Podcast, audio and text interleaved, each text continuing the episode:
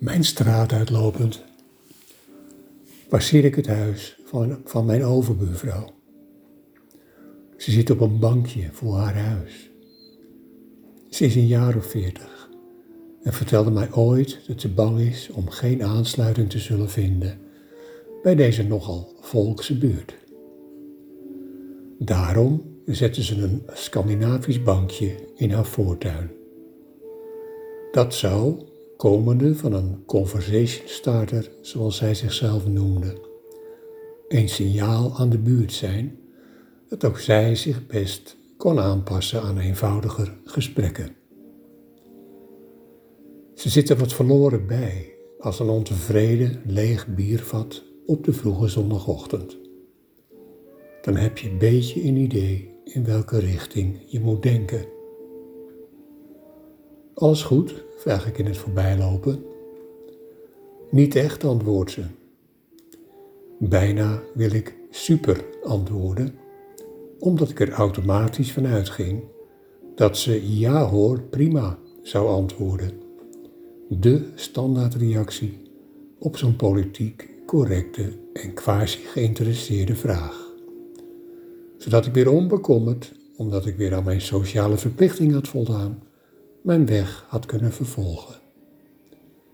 In plaats daarvan stop ik en zeg: Dat klinkt als een vrouw die net van het dak is gesprongen. Nou, voorlopig gaat het nog goed hoor, want ik vlieg nog, antwoordt ze gevat. Maar goed, ik kan het net zo goed vertellen, zegt ze. Ik heb een burn-out.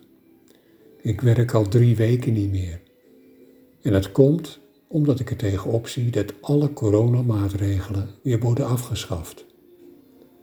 Oké, even serieus en kort samenvattend. Hier zit dus iemand buiten in haar badjas, op blote voeten in de regen, 7 graden, op een Scandinavisch bankje van de IKEA. En die wil dat de coronamaatregelen blijven bestaan. Uit welk demonisch schilderij van Jeroen Bos zou deze vrouw zijn losgebroken? Ik krijg het benauwd van dat vooruitzicht, vervolgt ze. Mijn handen worden helemaal klam als ik eraan denk dat ik bij elke verjaardag, begrafenis of jaarwisseling weer iedereen drie zoenen moet geven.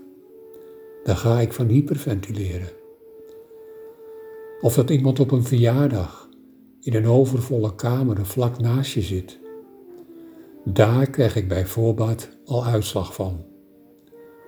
Zo vind ik het ook heerlijk om geen handen meer te hoeven geven. Zo erg is dat toch niet? Dat is toch gewoon het oude normaal, probeer ik erop te beuren. Ze kijkt mij met vlammende ogen aan, de haren in verwarde slierten heen en weer slingerend.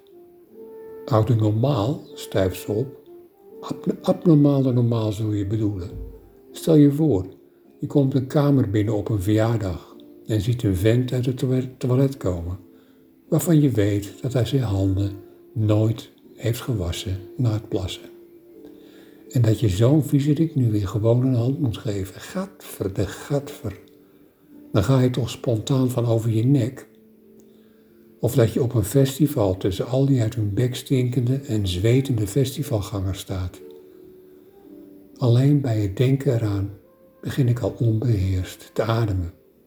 Anderhalve meter, mag het ook zeven meter zijn? Jeetje, ze barst in tranen uit.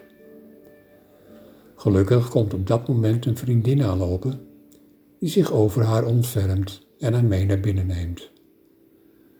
Waarmee mijn spreekwoordelijke onhandigheid op het gebied van het managen van emotionele crisissen bij vrouwen nog maar eens een keer wordt onderstreept, maar dit geheel terzijde.